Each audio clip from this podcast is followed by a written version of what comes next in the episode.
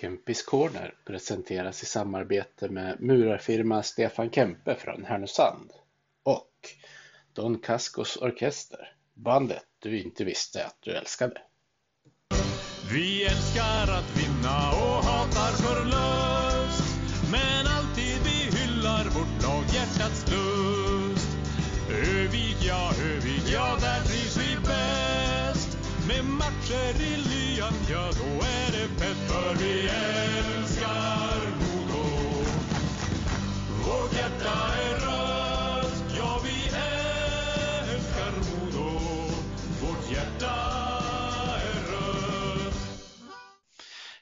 och välkomna ska ni vara till Kempis Corner. Det har blivit det 75 avsnittet. Det är eh, säsongen 23-24 första avsnitt och eh, min första gäst är Modos nyförvärv David Rundblad. Eh, Stort välkommen till podden David. Ja men du, tack så mycket. Jätteroligt att ha dig med. Ja men det, det känns superkul att vara här. Det är spännande att höra vad det är för frågor. Mm. Eh, jag måste, innan vi kör igång med, med det övriga, så när jag gjorde en snabb Google-sökning på dig så stod det smeknamn Berra och Magic Number 7. Kan du inte berätta lite grann om det? Eh, ja alltså Magic number seven det fick jag väl sista året i, i um, Skellefteå innan jag stack över till USA. Så det är väl egentligen mer bara på grund av den säsongen som jag hade där och då. Eh, Berra, det är väl lite mer av eh, internt eh, bland kompisarna. Så jag antar att det är någon av mina kompisar som har gått in och ändrat det där på Wikipedia, ska jag tro. Det är, inget, det är inget, inget jag kallas i folkmun om man säger så. Nej, hade du gjort det så hade du inte blivit kallad dig Modo, för det är väl David Bernhards smeknamn. Ja, exakt. Han, han kan gärna få ha det. Ja. Eh, Jag var bara nyfiken när jag läste det där så jag var tvungen att höra om det fanns någon historia bakom. Ja, just det. Eh, Nej, men eh, jag tänkte fråga dig hur, hur, hur gammal var du när du började åka skridskor första gången? Och var tog du dina första stapplande skridskoskär någonstans? Eh, oj. ehm, jag har ju en bror som är tre år äldre och eh, min farsa var tränare för hans lag så jag antar att jag någon gång hängde med på deras träningar och, och körde mitt egna race där ska jag tro. Ehm, hur gammal jag var har jag ingen aning om jag ska vara ärlig. Men inte, jag tror att jag var relativt ung i alla fall. Fyra, tre, fyra kanske, ska jag säga. Ehm, och det var ju i Lycksele då, där jag är uppvuxen och är född. Ja. Eh, Hade ni någon, eh, någon isyta i närheten där du växte upp? Eh, ja, det, det fanns ju en ishall. ehm, men sen såklart på den tiden var det ju otroligt många ute, uterinkar som var, som var väldigt fräscha och liksom som det var full fart på hela vintrarna. Um, så man fick ju sin, sin beskärda del av ishockey kan man lugnt säga. Ja, du är väl eh, den här generationen som är någonstans mitt emellan där folk spelade mycket utehockey och där det blev egentligen bara innehockey. Så jag förstår att, att det kanske har varit lite både och för din del. Ja, men exakt. Det har ju blivit så. Det var ju mycket. Um, I yngre dagar så var det ändå några bortamatcher som det var uterink på. Um, och sen ibland tränade vi Eh, på uterink då det inte fanns tider och sånt där. Och sen eh, körde man ju så. Det var ju vad, man kallas för spontanidrott.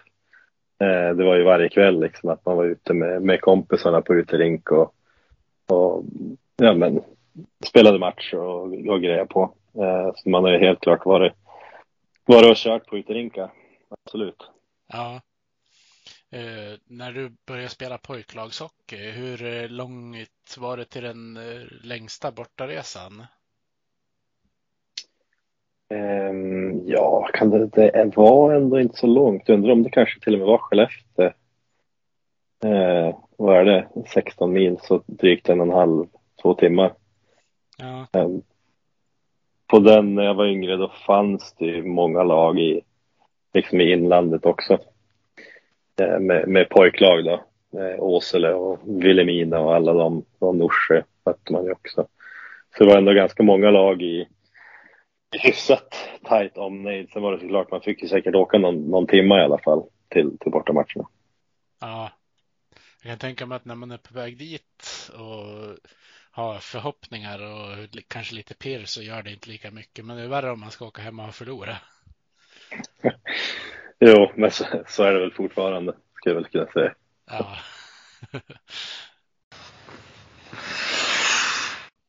Har du hållit på med någon fler idrott än ishockeyn när du växte upp? Eh, jo, jag spelade ju fotboll länge. Jag spelade fotboll egentligen ända till, till jag skulle flytta till Skellefteå för hockeygymnasium. Eh, så var man då 14, 15 där kring. Eh, men sen blir det ju automatiskt att man lägger av när man blir, blir antagen till hockeygymnasiet för då blir det ju klassisk sommarträning. Eh, tidigare var det sommarträning, det var ju att spela fotboll. Ja. Eh, så det gjorde jag. Eh, utöver det så egentligen inte. Eh, men man spelar ju mycket. Det var ju mycket bandy och sånt, men det var ju mest med polarna. Eh, det var ju som inte något speciellt lag på det sättet. Men man höll, man höll igång med det mesta. Ja, det, det kan väl ofta bli så när man är idrottskille också. Man hittar någon, någon ny grej att göra när man inte kan spela den idrotten man brukar göra. Nej men exakt, det blir ju så. Man, man gillar ju sport. Allt som har med, med, med boll eller puck att göra är ju roligt oftast. Så det, var det, man, det var det man höll sig till. Mm. Eh, var du eh, back hela tiden när du spelade pojklagshockey eller fick du pröva på olika positioner? Eh, vad jag kan minnas så har jag alltid varit back faktiskt. Men det kan väl också bero på att min, eh, min eh, äldre brorsa var back också. Så jag antar att jag tog efter ganska snabbt där. Eh, om han var back så skulle jag också vara back. Eh, så, så länge jag kan minnas har jag faktiskt spelat back. Sen såklart när man var, när man var yngre då, då var det väl egentligen bara en position på papper. Sen var man väl överallt ändå på isen. Det kan jag tänka mig. Det är som när man spelar knattefotboll och alla ska vara en cirkel runt bollen. Ja men exakt, det, det blir väl lite så. Men det, det är ju bollen och pucken man vill åt så det är klart man vill vara, man vill vara där det händer. Ja. Eh, du eh, spelade väl med, med Lycksele både i, i fotboll och ishockey? Då? Ja, faktiskt. Det var ju eh, ishockey var det ju Lycksele Sportklubb då, som man spelade i. Eh, och då hade de ju egentligen lag i alla åldrar ska jag säga. Eh, jag vet inte exakt hur det ser ut nu men de, de var väl i division 3 i fjol tror jag. Eh, sen fotbollen då fanns det ju faktiskt två lag, både Lycksele och Betsele. Eh, som jag varvade lite mellan. Jag började i Lycksele, sen, sen gick jag över till, till Betsele och spelade lite där. Sen gick jag tillbaka, tillbaka till Lycksele igen eh, sista åren. Jag vet inte om det var någon slags värvningskupp som pågick där eller. Eh, men eh, spela fotboll, det fick man göra i alla fall. Så det var, det var bra, vad ska man säga, förutsättningar, absolut säga. Ja. Uh Spelade du back i fotboll också eller hade du någon mer offensiv roll där? Nej, då är jag lite mer mittfältare, ska jag säga. Vänsterytter eller mitt, eh, mitt, mitt. Eh, när man spelar på 11 då förstås. Eh, så var det lite mer åt det offensiva hållet, ska jag säga. Mm. Det är väl ungefär som det har varit i, i min hockeykarriär också, att det har varit lite mer åt det offensiva hållet. Ja. Eh, är du vänsterfotad eller högerfotad i fotbollen? Vänsterfotad och vänsterhänt. Jajamän. Det, det, är inte, det, är inte, det är inte mycket som man kan göra med högerhanden i alla fall, eller högerfoten. Det är ganska en, ensidig. Nej, och du spelade fotboll innan det här, eh, vad heter det, inverterade ytterpositionen kom in med Arjen Robben och de där. Så du, då fick du springa och slå inlägg istället för att skjuta. jo, verkligen. Det var där snackade vi rak 4-4-2 man körde med. Det var inget, inga, inga krusiduller utan det var fyra mittfältare som sprang fram och tillbaka Ja. på sin egen position. Eh, Men du kom ju in på Skellefteås eh, hockeygymnasium som du sa. Var du eh, 100% säker på att du skulle komma in där? Ehm, mm, jag kommer inte exakt ihåg hur det var, men ehm, jag var ju faktiskt i Övik och kollade också. Ehm, såg det, men sen kändes det väl som Skellefteå var, var lite enklare, lite kortare flytt och så sen eh, jobbade min farsa jobbade i Skellefteå då. Eh, så han var där på veckorna. Och eh, sen tog sig även eh, Melke Karlsson, vet ni säkert vem det är. Mm. Eh, vi är barndomsvänner. Så han tog sig också in i Skellefteå så det kändes det ganska, ganska självklart att, att få åka dit med han. Eh, så vi bodde med varandra första året och, och liksom sådär. Så det kändes ju kändes lite, lite, lite mindre steg än att flytta, flytta helt själv till en främmande stad. Ja, det är ju fullt förståeligt. Mm. Du fick ju debutera för eh, svenska landslaget ganska tidigt i 17-årsåldern. Hur var det att bli uppkallad di- dit första gången? Ja, nej men det är klart att det var, det var ju superhäftigt. Det är, det är inte direkt någonting man, man går runt och tänker på när man, när man är så ung och liksom att det, det är där man vill, vill spela utan då på den tiden är det ju är det ju mer att man tänker kanske att man skulle få spela i, först var det väl Lycksele A-lag och sen hade man ju fullt show med Skellefteå J18 och Skellefteå J20 och sånt där. Alltså, det var helt klart en, en, en grym upplevelse. Um, sen väldigt nervöst såklart. Um, men det är så det ska vara. Det ska vara lite pirrigt och lite, lite roligt när det är någonting, någonting nytt man får göra för första gången.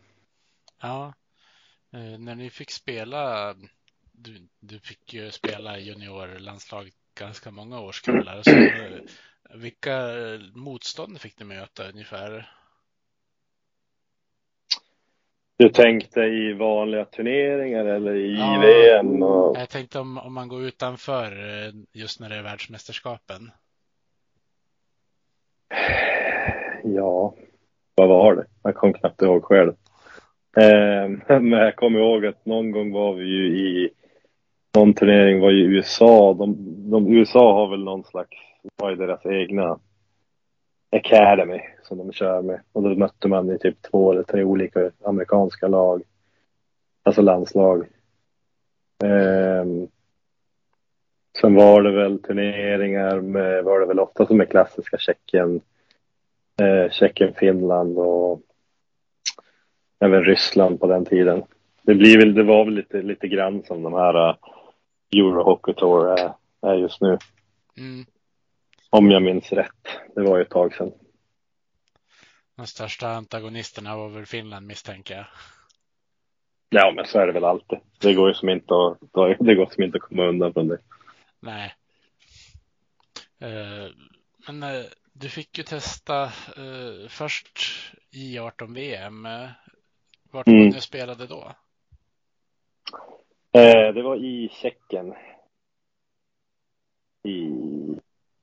Det var inte i Prag i alla fall. Utan det var något mindre ställe utanför, om jag minns rätt. Så det var ju som den första, vad ska jag säga, där egentligen alla spelare var på plats. Eh, jag tror även Kanada och USA var ju som fullmatade med, med deras stjärnor. Och, eh, ja, vi hade ju såklart grymt lag då också. Eh, med tanke på hur, hur eh, många spelare som liksom är stjärnor i NHL från, från det laget. Så. Mm. Ja, det är respektingivande namn. Mm.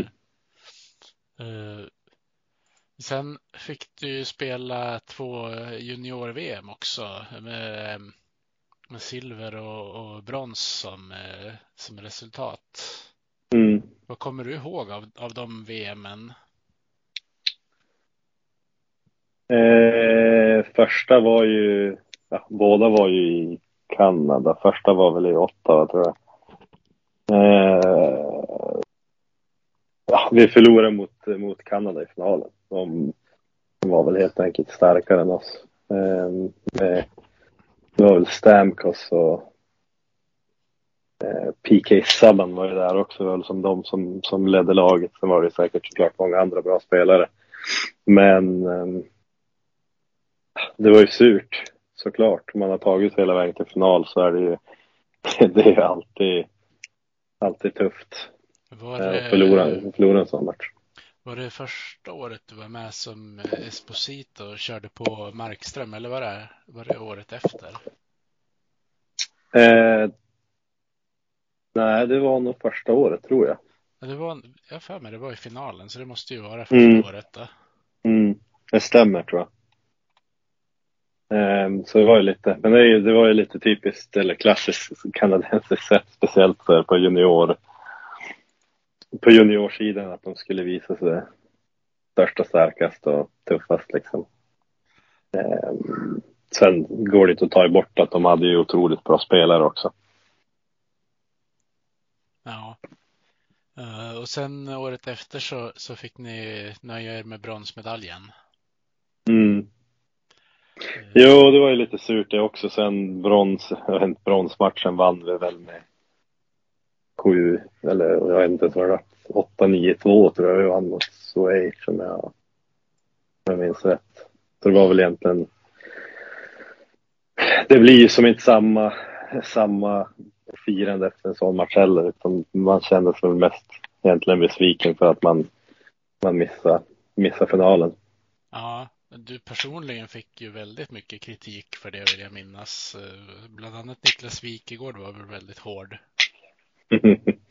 ja, det kan man säga. Men ehm, ja, det var väl egentligen bara han officiellt som gick ut och sågade med fotknölarna. Men eh, där och då så, så, så tänkte inte jag speciellt mycket på det faktiskt. Eh, sen om jag minns rätt så var det ju såklart många som hade kommenterat och skrivit till mig på Facebook och grejer och liksom bett mig lägga av med hockeyn och att jag var värdelös och sånt där. Eh, men det var egentligen alltså typ några veckor senare som man som reflekterade över det och insåg att det var ganska sjukt beteende mot människor som liksom är, vad hur gammal är man? 18 bast. Ja, mellan Eh. 18 och 20 brukar man ju oftast vara. Ja, ehm, Ehm, så det var ju lite speciellt. Men eh, de flesta skrev tillbaka dagen efter och bad om ursäkt. med Att de var lite hetlevrade. Det är väl lite samma som, som Wikegård också. Det är väl inte, han tänker väl inte alltid på vad han, vad han säger i direktsändning. Liksom. Det är klart att det kan, kan slinka ut lite saker då och då. Men eh, jag kan väl inte säga att jag tog någon, någon, någon större skada så där och då. Eh, Men det kanske var tur att man var så ung också, att man inte riktigt eh, hängde med eller fattade vad som hände. Nej, det är väl så.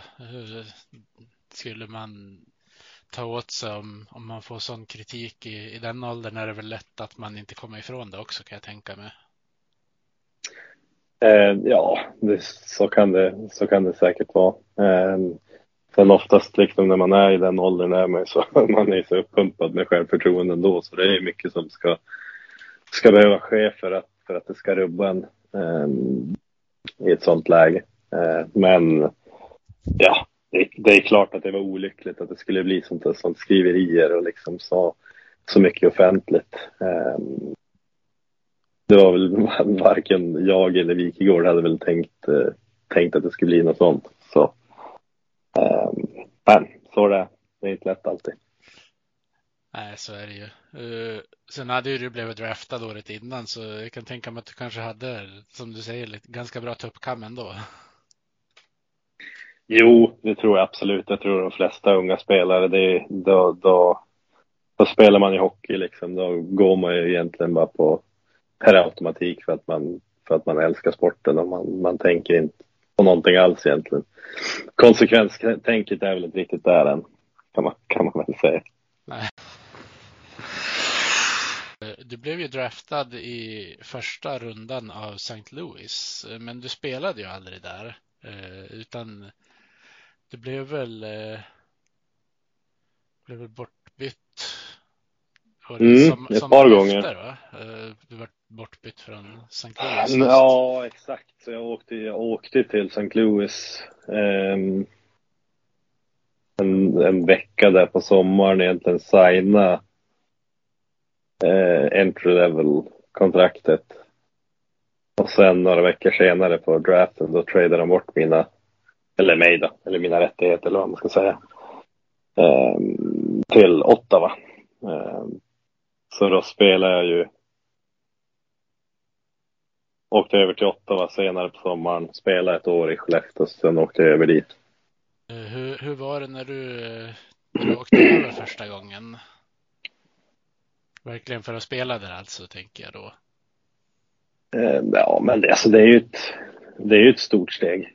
Såklart, allt, allt är nytt och nytt språk och nya, eh, ja, vad ska man säga, allt blir nytt. Det blir en ganska stor omställning Eh, Eh, men eh, jag tog ju som ett extra år hemma också just för att få ett, få ett år på nacken och bli lite mer, mer mogen i allt. Eh, så på så vis så, så gick det ändå bra. Liksom, jag kände som att man kom in i det ganska snabbt utanför isen och liksom med, med hur allt fungerar där. Det ska inte vara några, några större problem så. Sen var det ju alltid svenskar i i alla lag i princip som, som eh, ja, man kunde fråga dem och man fick hänga med och käka lunch eller middagar eller bara åka över till dem. Och, eh, för det underlättar ju en, en hel del faktiskt. Ja, och Ottawa som var ditt första lag, där hade du ju med dig flera stycken från när eh, du spelade junior-VM och så vidare. Ja, men exakt. Eh, ja, Erik Karlsson var ju där såklart. Eh, han var ju redan då en, en stjärna i princip. Eh, sen var ju även eh, Zibanejad var ju där ett tag, men han, han körde ju, han lirade väl åtta matcher eller sånt. Sen åkte han ju tillbaka till, till Djurgården för att eh, inte kontraktet skulle börja gälla, tror jag det är. Det är väl några sådana regler. Ja, nu är det 15 matcher eller någonting. Jag vet inte om det är så nu, men jag vet att det var så då. För jag tror, mm. tror de gjorde väl något liknande med William Nylander också för att inte bränna ett år på kontraktet. Mm, jo men exakt. Eh, så det, sen var det ju, jag vet inte mer var där, var Silverberg och alla de där då också? Mm, Silverberg och André Pettersson. Ja men just ja. Och så eh, Robin Lehner var ju där också. Ja, och så Alfredsson eh, och den ständiga svenskfaktorn i Jo, jo såklart. Eh, nej, men så det var ändå ett gäng svenskar där eh, och det underlättar ju. Såklart, då vet man ju att man alltid har någon man kan, ja men, man tänker lite lika med i alla fall. Lätt ja. att snacka med och sådär. Men du vart ju inte så långvarig i Ottawa heller. Nej, eh, det blev ju jag blev tradad i jul, men jag hann spela drygt 25 matcher, eller 24 matcher. Mm. Eh, sen fick jag ändå spela relativt mycket, eller många matcher i alla fall. Eh, men eh, så är det där borta. Det är business. Det är som inget, inget man kan göra åt. Så det var ju bara att packa, packa ihop väskorna och åka vidare till nästa ställe. Ja, hur, eh, hur kändes det? Du hade ju ändå kommit som, eh, ja men, hade ju haft några ordinarie säsonger i Skellefteå innan. Hur blev det, blev, hur blev den första säsongen jämfört med hur du tänkte att den skulle vara, om man säger så? Eh, nej, jag tror ju såklart att man åker väl dit så har man ju man vet att det kommer att vara tufft men man har väl säkert innerst inne har man ändå tankarna om att det ska gå Går lika bra som det gick året innan. Liksom. Men eh, eh där blev det ju snabbt ganska, ganska nedstängt. Eh, sen tyckte jag ändå att jag fick en hyfsad start i åtta, liksom, att jag fick spela mycket. Jag fick ändå spela eh, ganska många matcher där. Så traden kom egentligen som en, en, en chock. Ehm, speciellt då de hade sagt åt mig att skaffa, Eh, skaffa eget boende och sånt någon, bara någon vecka innan.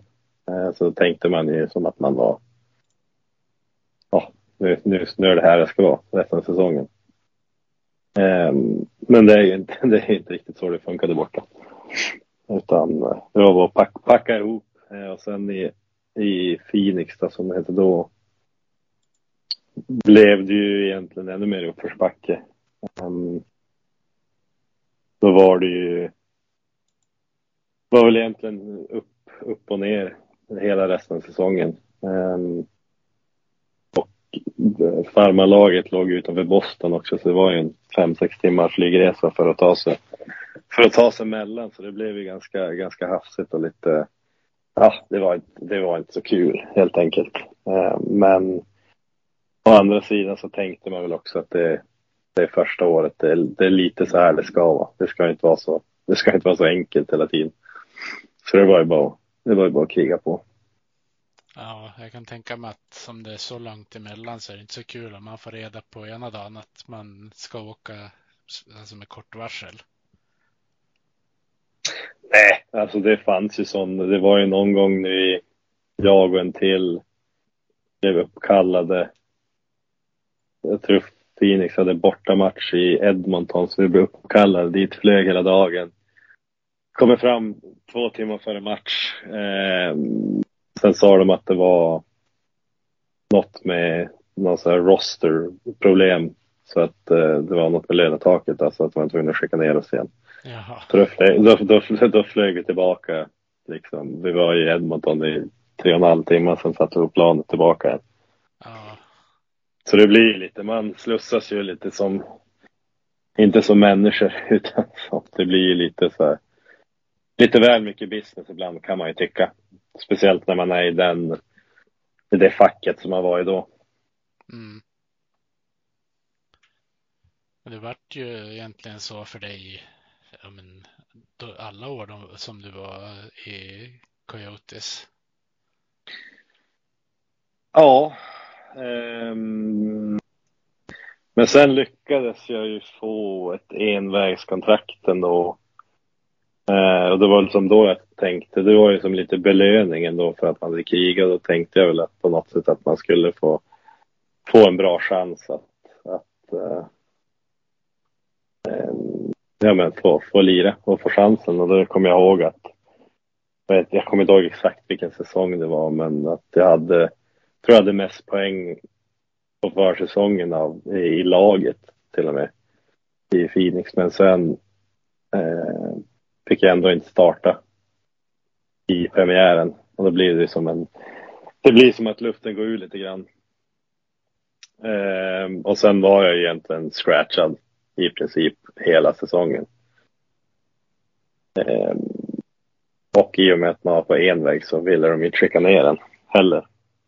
Nej, för då är det ju det här waivers-listan som, som Ja, blir... exakt. Så man var inne och spela, spela 7-8 minuter någon match och man eh, scratchade i 15 matcher. Um, men sen till slut, det var ju på trade deadline, tror jag att det var, som jag blev tradad till Chicago då. Um, då blev det ju lite, lite bättre i alla fall, men det är fortfarande inte att man man känner att man hade en, eller har haft en NHL-karriär som har gått på räls, som man säger så. Nej, men det förstår jag. Det, vad har du tagit med dig för lärdomar när det har blivit så där? Ja. Eh, ja, delvis har man blivit ganska hårdhudad liksom att det, eh, man kan ändå kriga sig igenom mycket och det är mycket, man, ska få mycket skit för att man egentligen ska behöva ta åt sig. Eh, men samtidigt å andra sidan så har jag väl lärt mig att, att när, inget, när, när det inte funkar så ska man inte vara rädd för att söka efter lite förändring. Eh, och det var väl det jag gjorde när jag drog till, till Schweiz det året på eh, utlåning. sista halvåret eller vad det var. Mm. Och nådde jag väl som en, en gräns. Ja, men innan du gjorde det så hade du varit med och vunnit Stanley Cup. Eh, kan du inte berätta om det? Det måste vara ett väldigt speciellt tillfälle. Ja, verkligen. Och det, det var ju som den säsongen som jag fick fick chansen mest och fick lira. Jag lirade väl 50 matcher i grundspelet och även ett, några i finalen och övriga slutspel också. Så det var ju som den. Det är väl den säsongen som, som, jag kan säga att det är en, en riktig NHL-säsong för mig ändå. Um, sen hela resan med, med slutspelet och grundserien, det var ju, det var ju grymt att få vara med om. Um, speciellt slutspelet och då man ser hur, ja, alltså egentligen vad som krävs för att kunna vinna Stanley Cup. Hur mycket slit det är och um, hur, um, vad säger man, små, um, jag tappar ordet. Margi marginaler eller? Ja, tack. Mm. hur små marginaler det är. Um, det kan egentligen gå exakt hur som helst, men uh, har man de här har man rätta spelarna och rätta ledarna så, så visar de oftast vägen och liksom visar att det, det är möjligt. Um, och det året var ju, var ju ändå Chicagos tredje på fem år blir det väl. Uh, så de hade ju mycket, mycket samma spelare också så de visste, de hade gjort det förut och de visste vad som krävdes. Så det var egentligen bara att hänga, bara ta rygg och hänga på. Det var ju sjukt coolt att det gick vägen. Mm. Det var ju ett gäng svenskar som var med den säsongen också. Eh, Mm. Tim Eriksson bland annat. Eh, och så såklart eh, Marcus Kryger och Nordström och Jonny Odoja och Claes Dahlberg Mm. var ju också med en del. Mm. Hjalmarsson. Ja, Jo, nej men absolut. Det var, det var ju grymt roligt att få, få, få, få vara där när det var så många svenskar som var, var i klubben under, under året och liksom ehm, eh, speciellt då med Hjalmarsson och, och Doja som var lite äldre och liksom verkliga ledare som man kunde ta rygg på och liksom eh, ja men återigen eh, visa vad som krävdes. Eh, sen är ju Kryger är ju också en otrolig spelare och, och där och då var han väl mer renodlad defensiv center eh, än vad han är nu i Djurgården. Eh, och man kan, jag tycker han är li, lika bra på båda om man ska säga så. Han är en grym spelare. mm. Det blir väl ofta så att en del spelare får, får ta andra roller när de åker över. Samuel Paulsson var ju en annan sån spelare också. Mm.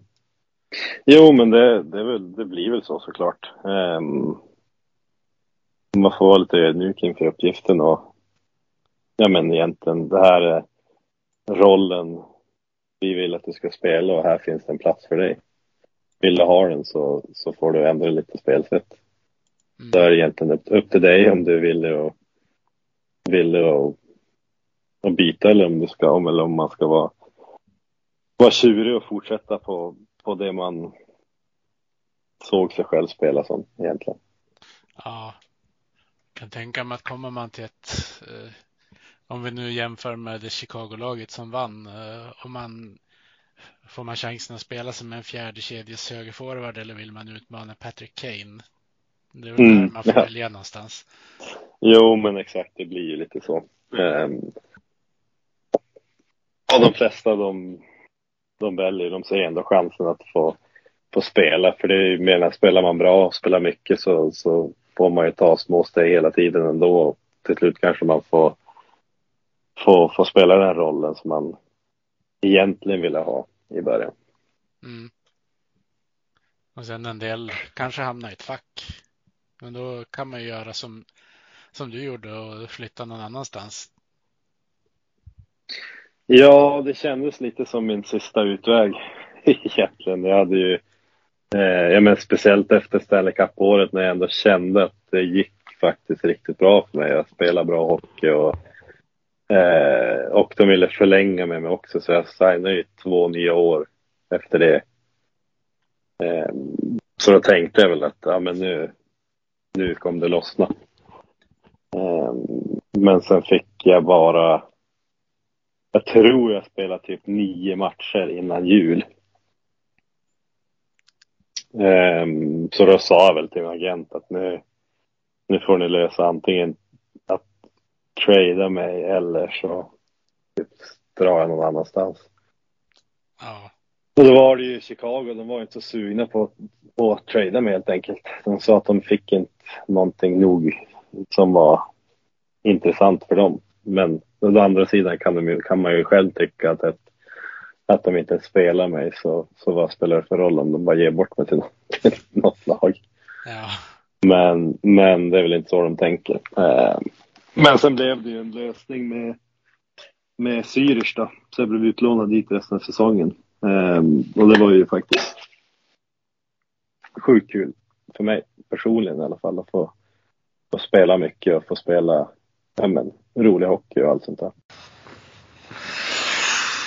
Eh, hur, eh, förutom att du fick spela då, vad, vad var den största skillnaden med att komma till schweiziska ligan? För där hade du ju aldrig varit förut.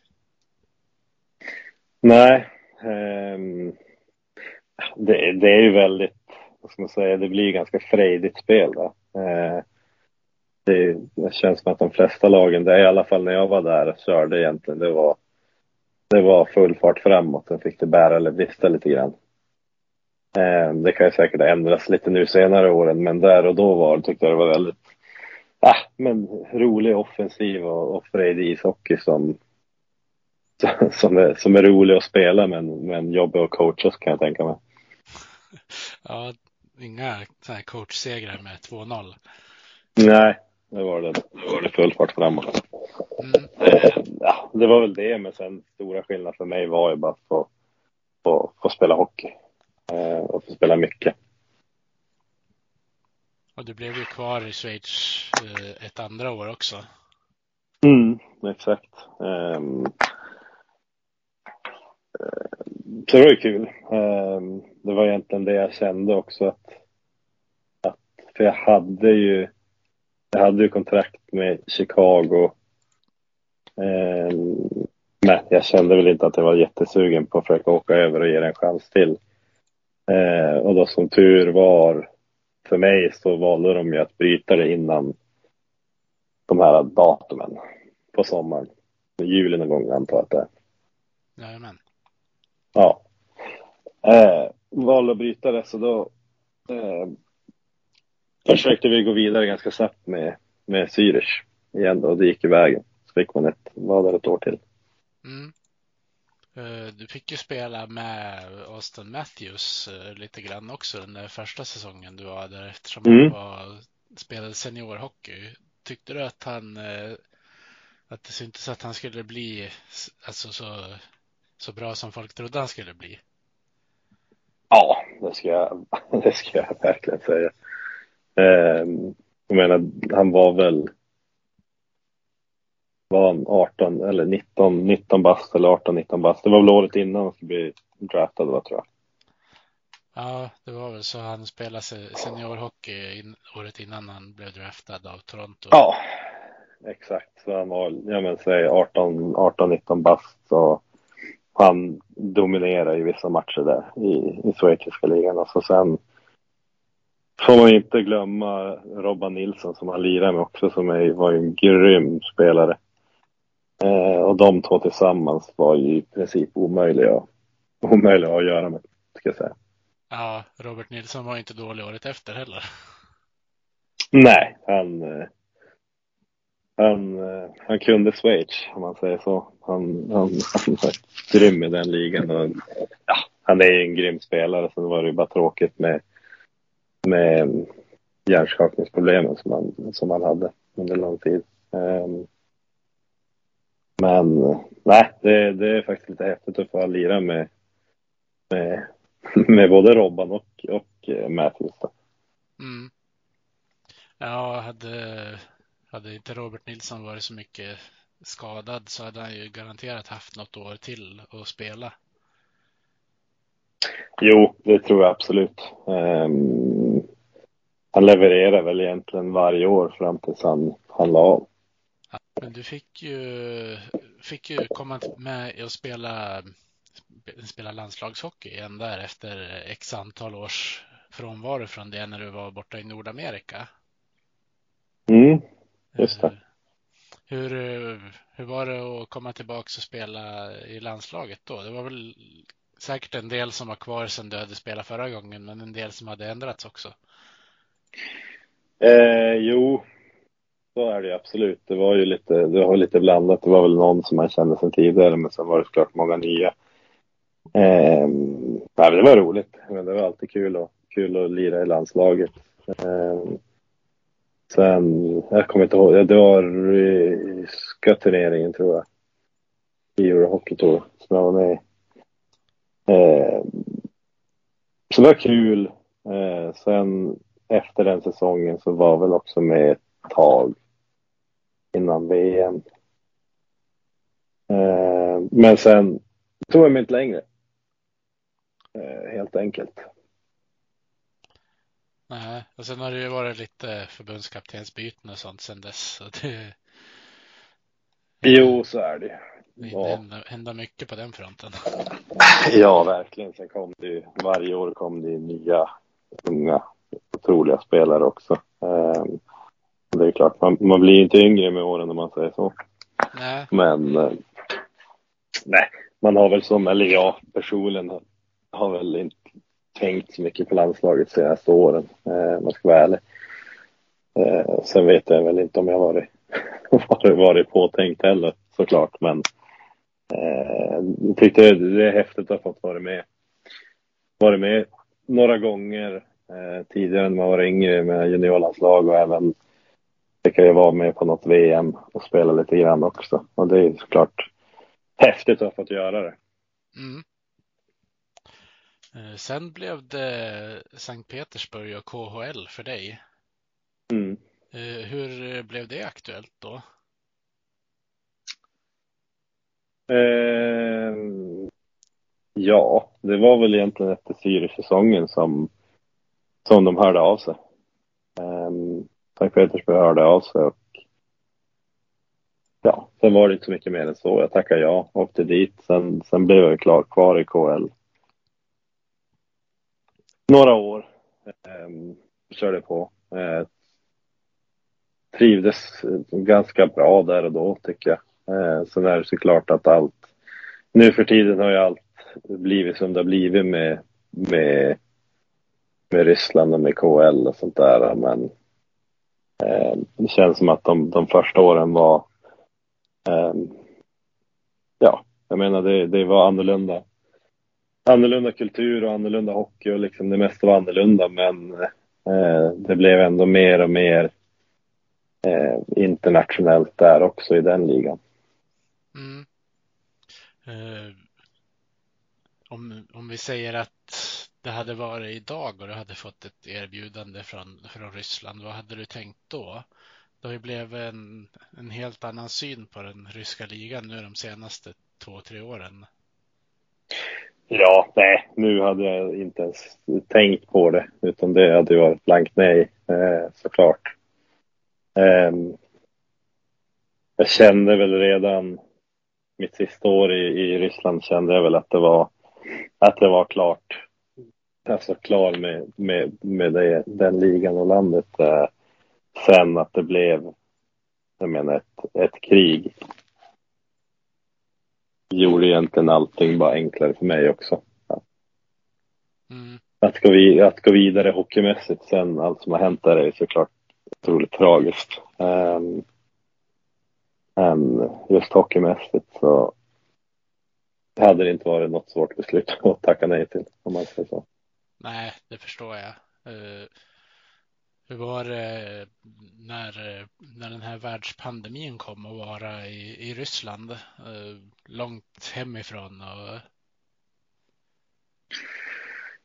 Ja, det var ju lite speciellt. Dels så var det ju, blev, var det ju svårt att ta sig in i Ryssland när man väl skulle dit på sommaren inför säsongen och sen även under, under säsongen så var det ju eh, ja, det var ju mycket tester och sånt men sen är det är ju lite lite annorlunda där också att vissa vissa tar det på allvar och vissa tar det inte riktigt på lika stort allvar. Så det var ju, Man visste egentligen inte om man testat positivt eller negativt utan det var lite 50-50. Ja, typ. ja, du kan spela, du kan inte spela, lite sådär. Så det var ju inne, det är ju inte så, ingen superstruktur över det hela. Alltså, om man, om man jämför med övriga världen. Nej, alla har ju blivit påverkade av pandemin på olika sätt. Det är ju det är svårt att veta hur, hur det fungerar i olika delar av världen med det där. Mm, jo, men så är det ju verkligen. Um, och uh, det var lite blandat i Ryssland, skulle jag säga. Moskva och vissa större städer var ju ganska nedstängda medan i Sochi så var det inte så mycket nedstängt utan man kunde gå och käka på restauranger hela tiden och, och lite sånt där. Alltså det var väl lite, det var lite blandat beroende på vart man var, skulle jag säga. Mm. Uh, hur upplevde du matkulturen där? Tänker du som var där så många säsonger? Uh, ja, uh, alltså restaurangmat och sånt var, var riktigt bra faktiskt. Men sen den ryska inhemska matkulturen är väl ingenting jag tar med mig hem om man säger så. utan det är, det är lite annorlunda kan man lugnt säga. Och, och inget jag riktigt, riktigt föredrar över, över, över svensk, svensk mat om man säger så. Nej, det är väl så med östeuropeisk eh, mat kanske överlag. Jo, jag tror det. Eh, absolut. Men, men det är ju så det är. Det har ju med, med kulturen och, och allt att göra. Eh, och det är väl, de tycker väl säkert samma sak om, om, om vår mat. Ja, kulturkrock som det brukar kallas. Klassiskt. Eh, du, du gick ju till eh, Kärpet i, i Finland innan fjolårssäsongen. Då fanns det väl en del som, eh, som drömde om att du skulle komma till Skellefteå. Om jag inte minns alldeles galet. Var det på tapeten då? Eh, alltså jag bestämde mig ganska tidigt eh, att köra ett år till utomlands egentligen. Eh, det var väl, en orsak var att jag höll på, eller jag var precis byggt hus i Skellefteå så jag hade ingenstans att bo under, under säsongen så tänkte jag, ja men det är lika bra att försöka få ett till år utomlands. Eh, och då blev det Kärpet. Eh, delvis såklart att det, det är egentligen bara tre och en halv, fyra timmar från Skellefteå med bil så det låg ju relativt nära nära Skellefteå också så man hann ju hem en del under, under året och, och sådär. Eh, sen var det såklart att det är kul att testa en ny liga och, och känna på hur, hur, hur, finska, hur finska hockeyn är och sådär. Mm. Uh, hur upplevde du den då? Man, man hör ju en del utifrån eh, vad, vad, folk tycker och tänker om ligan. Eh, stämde det överens med hur du kände att det var när du var där och spelade? Ja, alltså jag tycker att den är till stora delar är den, är en bra liga. Eh, sen blir det ju, den blir tyvärr lite ojämn eh, med tanke på att den, eh, eller jag tror att det är på grund av att den är stängd. Så de här bottenlagen, de säljer ju av spelare varje år eh, i slutet av säsongen och liksom de ger ju upp.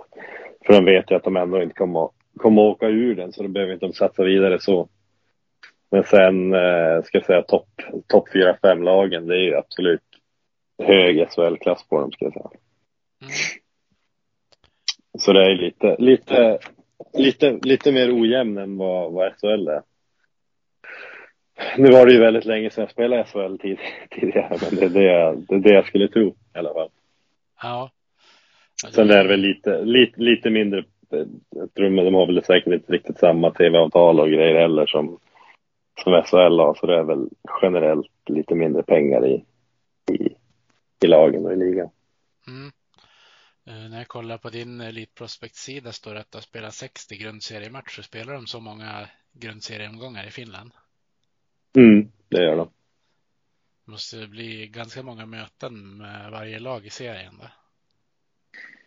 Ja, det blir det. För det är också det är lika många lag som SHL, så man möter ju några lag lite fler gånger. Absolut, så blir det. Um, jag kan ju tycka att 50 till 55 matcher är ju alldeles lagom. Ja. De kanske har kollat på NHL så de kanske är uppe i 80 omgångar om några år då. Ja, man vet aldrig.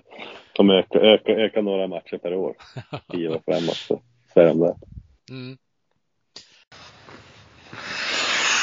Efter, efter den säsongen så blev det ju aktuellt med Modo för dig. Första gången man hörde ryktet var väl någonstans i mars. Mm. Kan du berätta vad som, vad som pågick eh, innan det blev officiellt? Eh, pågick väl egentligen inte så mycket utan eh, det är klart det är inget att hymla om att, om att jag byggt hus i Skellefteå och liksom bor här och planerar att bo här i, i efter karriären och sådär. Alltså det är klart att jag, vi hörde av oss i Skellefteå först men eh, de har ju väldigt fullt på backsidan redan. Um, så då sa jag egentligen till agenten, men då kan vi gå ut till övriga SHL-lag och sen tänkte jag även Modo. Mm. Ifall de går upp så hade det varit alltså liksom ett superhärligt, superroligt ställe att få spela på. Eh, sen tog det inte så lång tid innan egentligen Hinken och, och Modo kom tillbaka med ett, med ett förslag. Eh, och då var det som inget snack ska jag säga, utan då, signade jag i princip direkt. det var ganska tidigt, jag skulle tro att det var i ja, februari någon gång där. Mm. Februari, mars. Uh, var det något speciellt som, som gjorde att du valde just Modo? Uh, jag vet ju att du känner ju Adam Pettersson sedan tidigare bland annat. Mm. Eh, men dels bara liksom hela, vad ska man säga, hela auran kring Övik och kring hockey. Eh, jag menar Modo eller Övik är ju en otrolig hockeystad och, och speciellt när man var där och kollade i slutspelet så märker man ju hur hur dedikerade folk är och hur mycket folk bryr sig om, om, bryr sig om det. Eh, så det är ju mycket det man vill Eh, som man, jag hoppas och tror att det kommer vara grymt häftigt att få spela framför sån publik. Eh, och så nu speciellt när de gick upp så blir det ju ett ganska speciellt och, och väldigt roligt år som vi har fram, framför oss här. Eh, så det är kul och sen, jag menar, man, man är ju norrlänning så man vill ju gärna stanna, stanna i Norrland så gott det går. Ehm, men framförallt ska jag säga liksom allt kring, kring, kring just Modo och kring, kring staden. Eh, kändes bara riktigt, riktigt coolt att få vara med på. Eh, sen fick jag såklart bra intryck av Hinken och hela organisationen. Det verkar som att de har det har varit tuffa år i, i allsvenskan men det känns som att de har fått, fått ordning på allt och liksom fått kontroll på, på hela organisationen. Så det verkar går väldigt smort nu så att säga. Och det, det är ganska viktigt för spelare också att allting funkar som det ska, både på men även utanför isen. Mm. Uh, nu är det ju i och för sig länge sedan du mötte Modo, men uh, vad har du för bild av Modo som, som klubb och ja, men, läktarkänslan när du spelade mot Modo i SHL senast?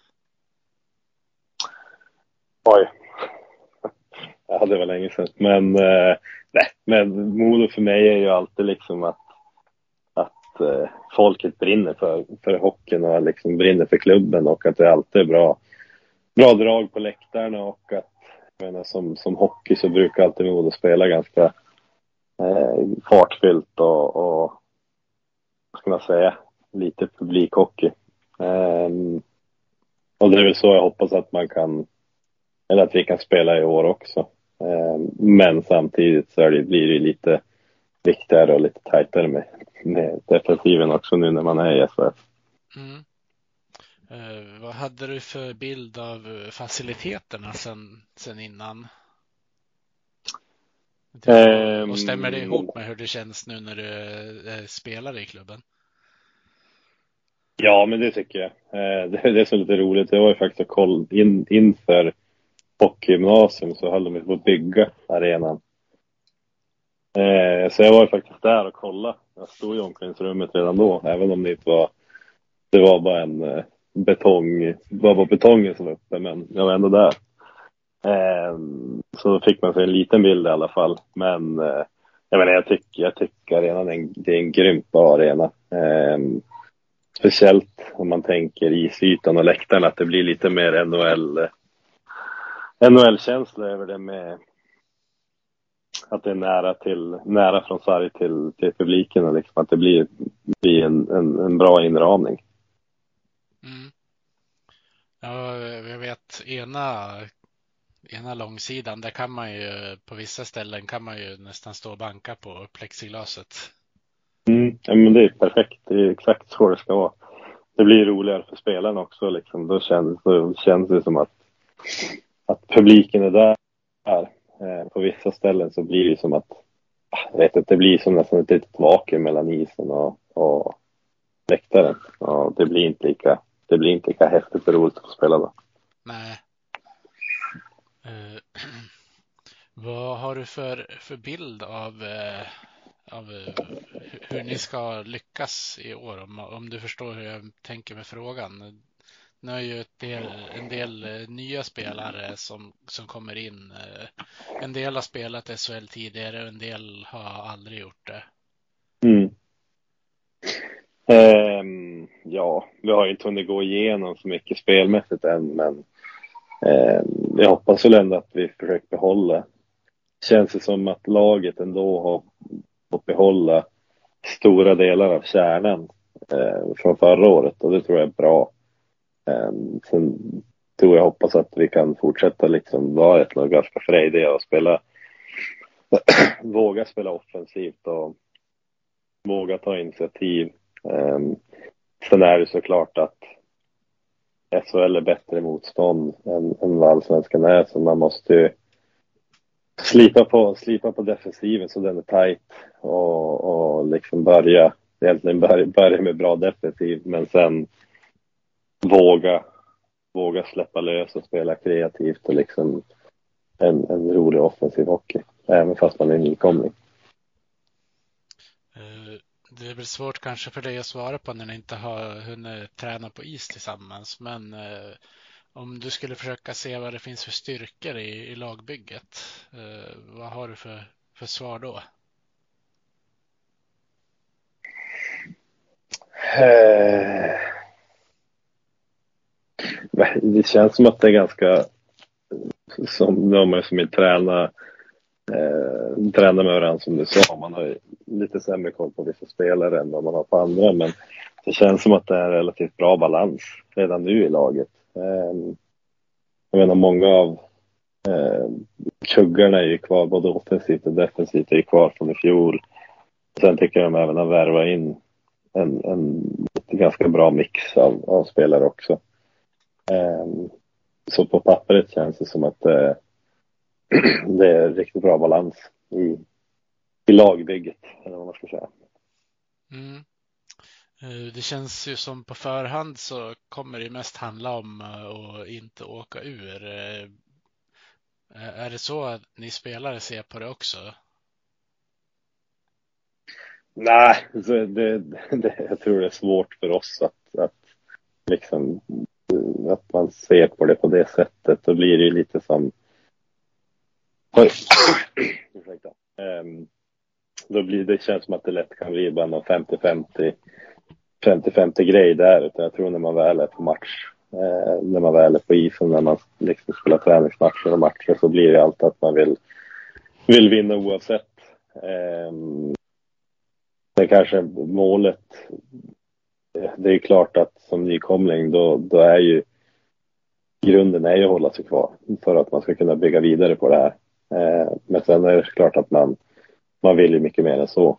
Man vill ju ta sig till slutspel, man vill ta sig långt till slutspel, man vill vinna. Sen hur, hur eh, rimligt det är, det, det får man ju helt enkelt se. Det är ingen som vet. Men jag tror att som, som spelare så spelar man alltid för att för att ta sig så långt som möjligt. Mm. Uh, vad, um, vill du bidra med i, i årets Modo? Ja. Men förhoppningsvis kan jag vara ändå, jag har ju ändå lite rutin och är lite äldre än, än många andra i laget så eh, förhoppningsvis en hel del rutin. Eh, sen som, som spelare så har jag väl också förändrats lite grann från när jag var 2022. Eh, det känns som att det har blivit lite mer tvåvägs, tvåvägsback. Eh, som jag hoppas att, att de ska känna att de kan lita på mig i alla situationer. Eh, det är väl det, det, är väl det som jag strävar efter, att, att liksom kunna bidra på det sättet och ändå kunna ha ett lugn ehm, i, jag menar oavsett matchläge, oavsett match. Um, Eh, sen får man väl bara ta, ta rygg på ungtopparna och göra så, göra så gott man kan. Men jag menar Bernhard och den där scenen verkar kunna göra sina poäng ändå. Så då kan man ligga lite och spela defensivt om de ska hålla på så. Vet. Mm. Eh, du har ju inte varit i, i Sverige på, på över tio säsonger nu. Eh, tror du att eh, du kommer behöva någon eh, omställningsperiod eller tror du att du kommer kunna köra på som Eh, nej, det vet jag inte riktigt. Det är svårt att säga. Men, eh, men man har ju lite, lite en hel del is, isträning och lite träningsmatcher också innan som, som, som man kan, som kan hjälpa en att komma in i allting. Eh, men sen är det såklart, det tar ju, det tar ju alltid lite, lite tid att komma in i en ny liga och, och nytt system och allt vad det innebär. Eh, men eh, det borde inte liksom vara något större problem att komma in i liksom, systemet. Det är inga, det är inga hemligheter, det är bara hockey. Så det viktigaste är väl bara att man, att man, man, man spelar på och, och jag menar, kör så gott man kan och kör på. Mm. Eh, du som eh, är fostrad i, i Skellefteå får man väl ändå kalla det för med tanke på hur många år du spelade där. Är det, är det de matcherna du ser fram emot mest eller är det något, några andra möten som, som du ser fram emot? Eh, det är klart att det är Skellefteå. det blir lite speciellt. Eh, eh, så det, det, ska bli riktigt kul att få, få möta dem i seriepremiären också. Ehm, men eh, nah, svårt att säga. Det är väl, det är väl klart att Skellefteå sticker ut lite, men sen är det väl egentligen övriga eh, Norrlandslag. Jag antar att Modo och Timrå brukar vara ganska hett derby, eh, så det är sådana matcher man vill spela. Eh, så det känns som att det är de matcherna som, som sticker ut lite extra. Mm. Sen kommer ni ju möta både Timrå och Björklöven på eh, försäsongen. Mm. Eh, tycker du att det vattnar ur rivalitet eller stärker? Eh, för jag vet att det finns folk som, som tycker det är både positivt och negativt med sådana möten på försäsongen. Eh, nej, jag tycker det är ganska bra. Eh, för oftast i sådana möten så är så är ju både, både, både spelarna och fansen på plats och liksom 100% taggade. Eh, vilket gör det lite mer likt en tävlingsmatch än en, än en träningsmatch skulle jag säga. Eh, så jag tycker väl att det är mer positivt än negativt. Eh, vissa träningsmatcher kan ju bli lite, lite urvattnade, men det känns inte som att sådana ha, hatmöten inom citationstecken eh, gör det, utan det, det ska jag säga mer bara eh, späder på tändväskan och gör det lite roligare för säsongen. Mm. Sen är det klart att det är väl rimligt att möta lag som inte ligger i andra sidan landet på träningsmatcherna, för det kan ju bli lite dyrt annars. Nej, men exakt så är det ju. Eh, det är klart att det blir en ekonomisk fråga. Det känns lite onödigt att, spendera för mycket på försäsongen. Mm. Eh, innan vi börjar med supporterfrågorna så vill jag bara höra om det är klart vilket tröjnummer du kommer spela med den här säsongen. Eh, ja, jag kommer köra med nummer två. Jajamän. Det blir lite annat mot eh, sjuan och femman som du väl har haft tidigare bland annat. Ja, men jag har haft två, jag hade två i um, Arizona faktiskt. Ja, just det. Ja. Sen hade det lite min, min brorsa hade nummer två när han spelade tidigare också, så det var väl därför jag tog det första gången i, i Arizona när inte sjuan fanns. Ja. Eh, så det är väl det. Men annars har jag väl inte egentligen lagt så mycket så mycket tid på, på nummer och sånt utan det känns inte som att det, det spelar någon större roll för mig egentligen. Nej. Uh, du pratade uh, om din bror tidigare och nu har han varit en förebild för dig när du började spela ishockey. Ja, men det, det, det är klart han har varit. Eh, så tror jag alla, alla små, små bröder känner. Eh, det var väl inte så karriären började var att man hängde med han och hans kompisar och spelade och sen fick man vara, hängde man med farsan när han skulle träna. Så man var ju som alltid, alltid runt omkring brorsan när han skulle träna och spela. Eh, så det är klart att man har sett upp till, sett upp till det när man var yngre. Mm. Får du välja nu om du ber han att lyssna eller inte om du tror han blir för kaxig av att höra det där. Exakt. Ja, jag tror han, han får ta det på rätt sätt.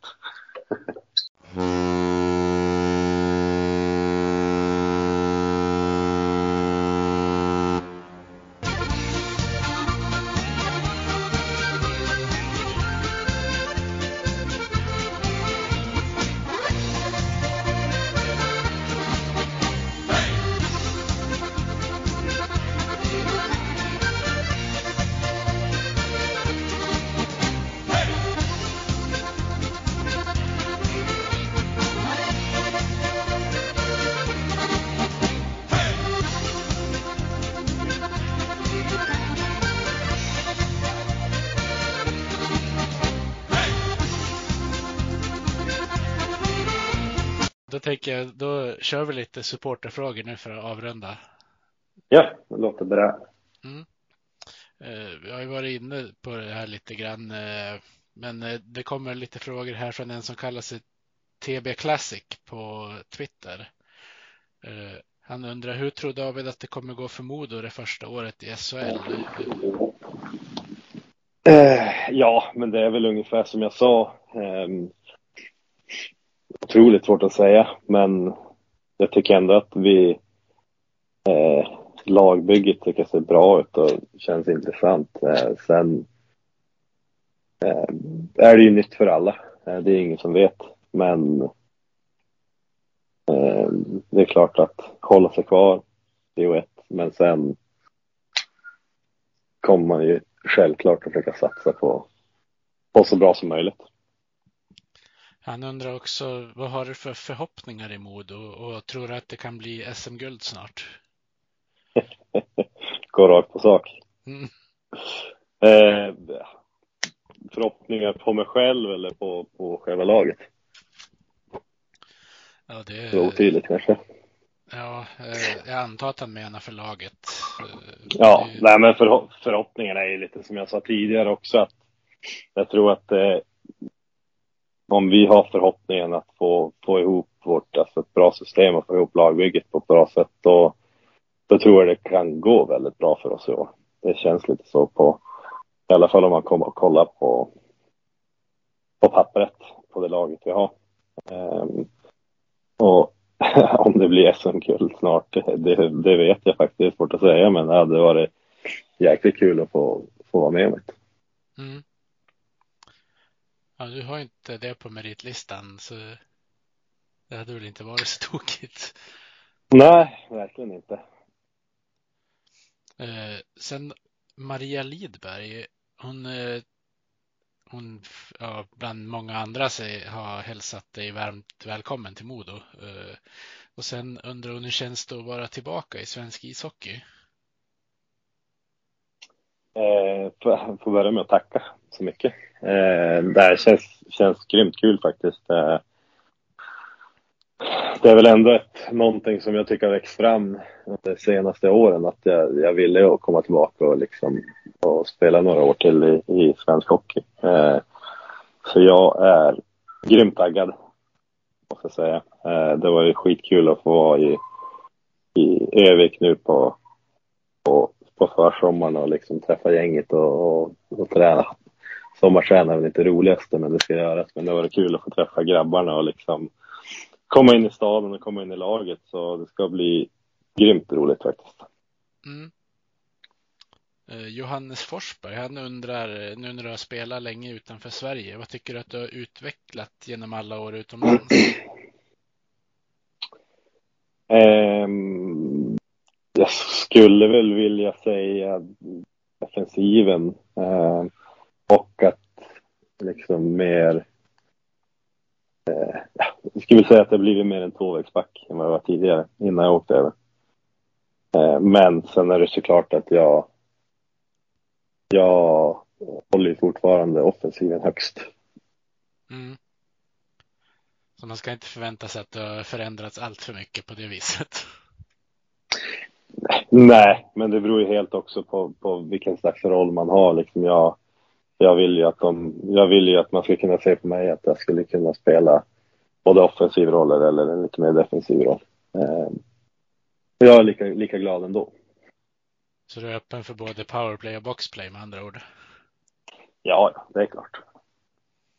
Eh, på tal om bröder så har min brorsa Andreas skickat in en fråga. Vad, vad, tror du är receptet för att slippa negativt kval år ett?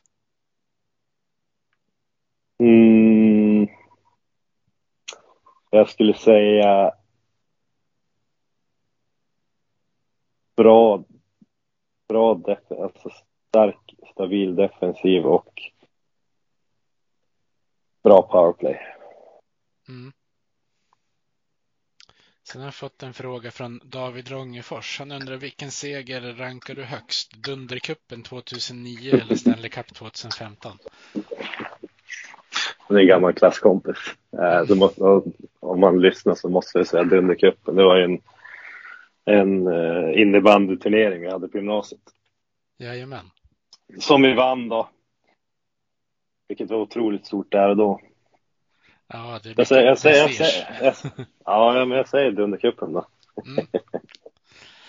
Uh, sen har jag fått uh, en fråga från eh, Rickard Asplund eh, på, på Instagram. Han undrar vem den bästa spelaren som har spelat i Modo. Eh, om du inte får välja Forsberg, Näslund, Hedman eller Sedinarna. Oj. Um... Kom ihåg, ja. Skulle typ säga Niklas Sundström, för jag kommer ihåg när, vi, innan, när jag var yngre och liksom, när man mötte Modo, han var så otroligt jobbig att möta och svår att liksom ha att göra med. Så jag skulle säga, ja, jag säger Sundström. Mm. Det var inget dåligt val. Nej, han var ju ändå helt okej. Okay. Ja. Eh, han undrar också vilket är eh, det bästa hockeylaget i Sverige slash vilket lag har varit jobbigast att möta genom tiderna i Sverige. Så det, han menar väl säkert samma. Uh, ah, okej. Okay. Formulera um, lite olika bara.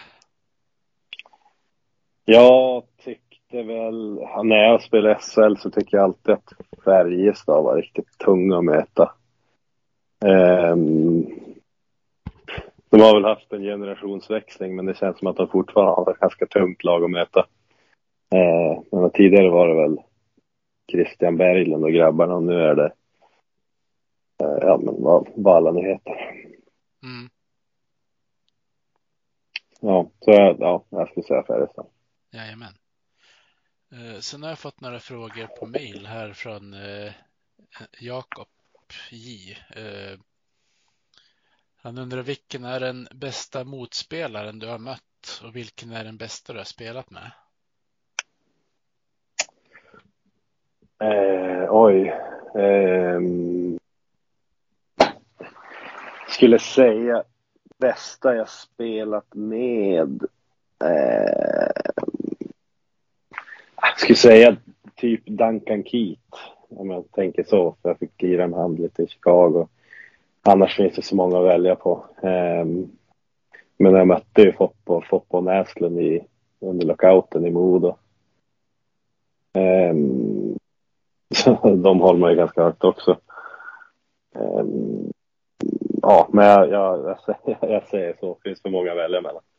Vad var andra frågan? Jag glömde. Eh, Spela med eller spela mot? ja, spela med och, och mött. Ja, men då säger jag, då säger jag spela med Duncan, Duncan Keeper mot är väl Foppa och Foppa med. Mm. Eh, tror att det var alla frågor jag har fått. Eh, ber om ursäkt om jag har missat att läsa någon fråga av någon. Eh, men då får jag säga ett stort tack till dig David för att du ställde upp. Det har varit jätteroligt att ha dig med.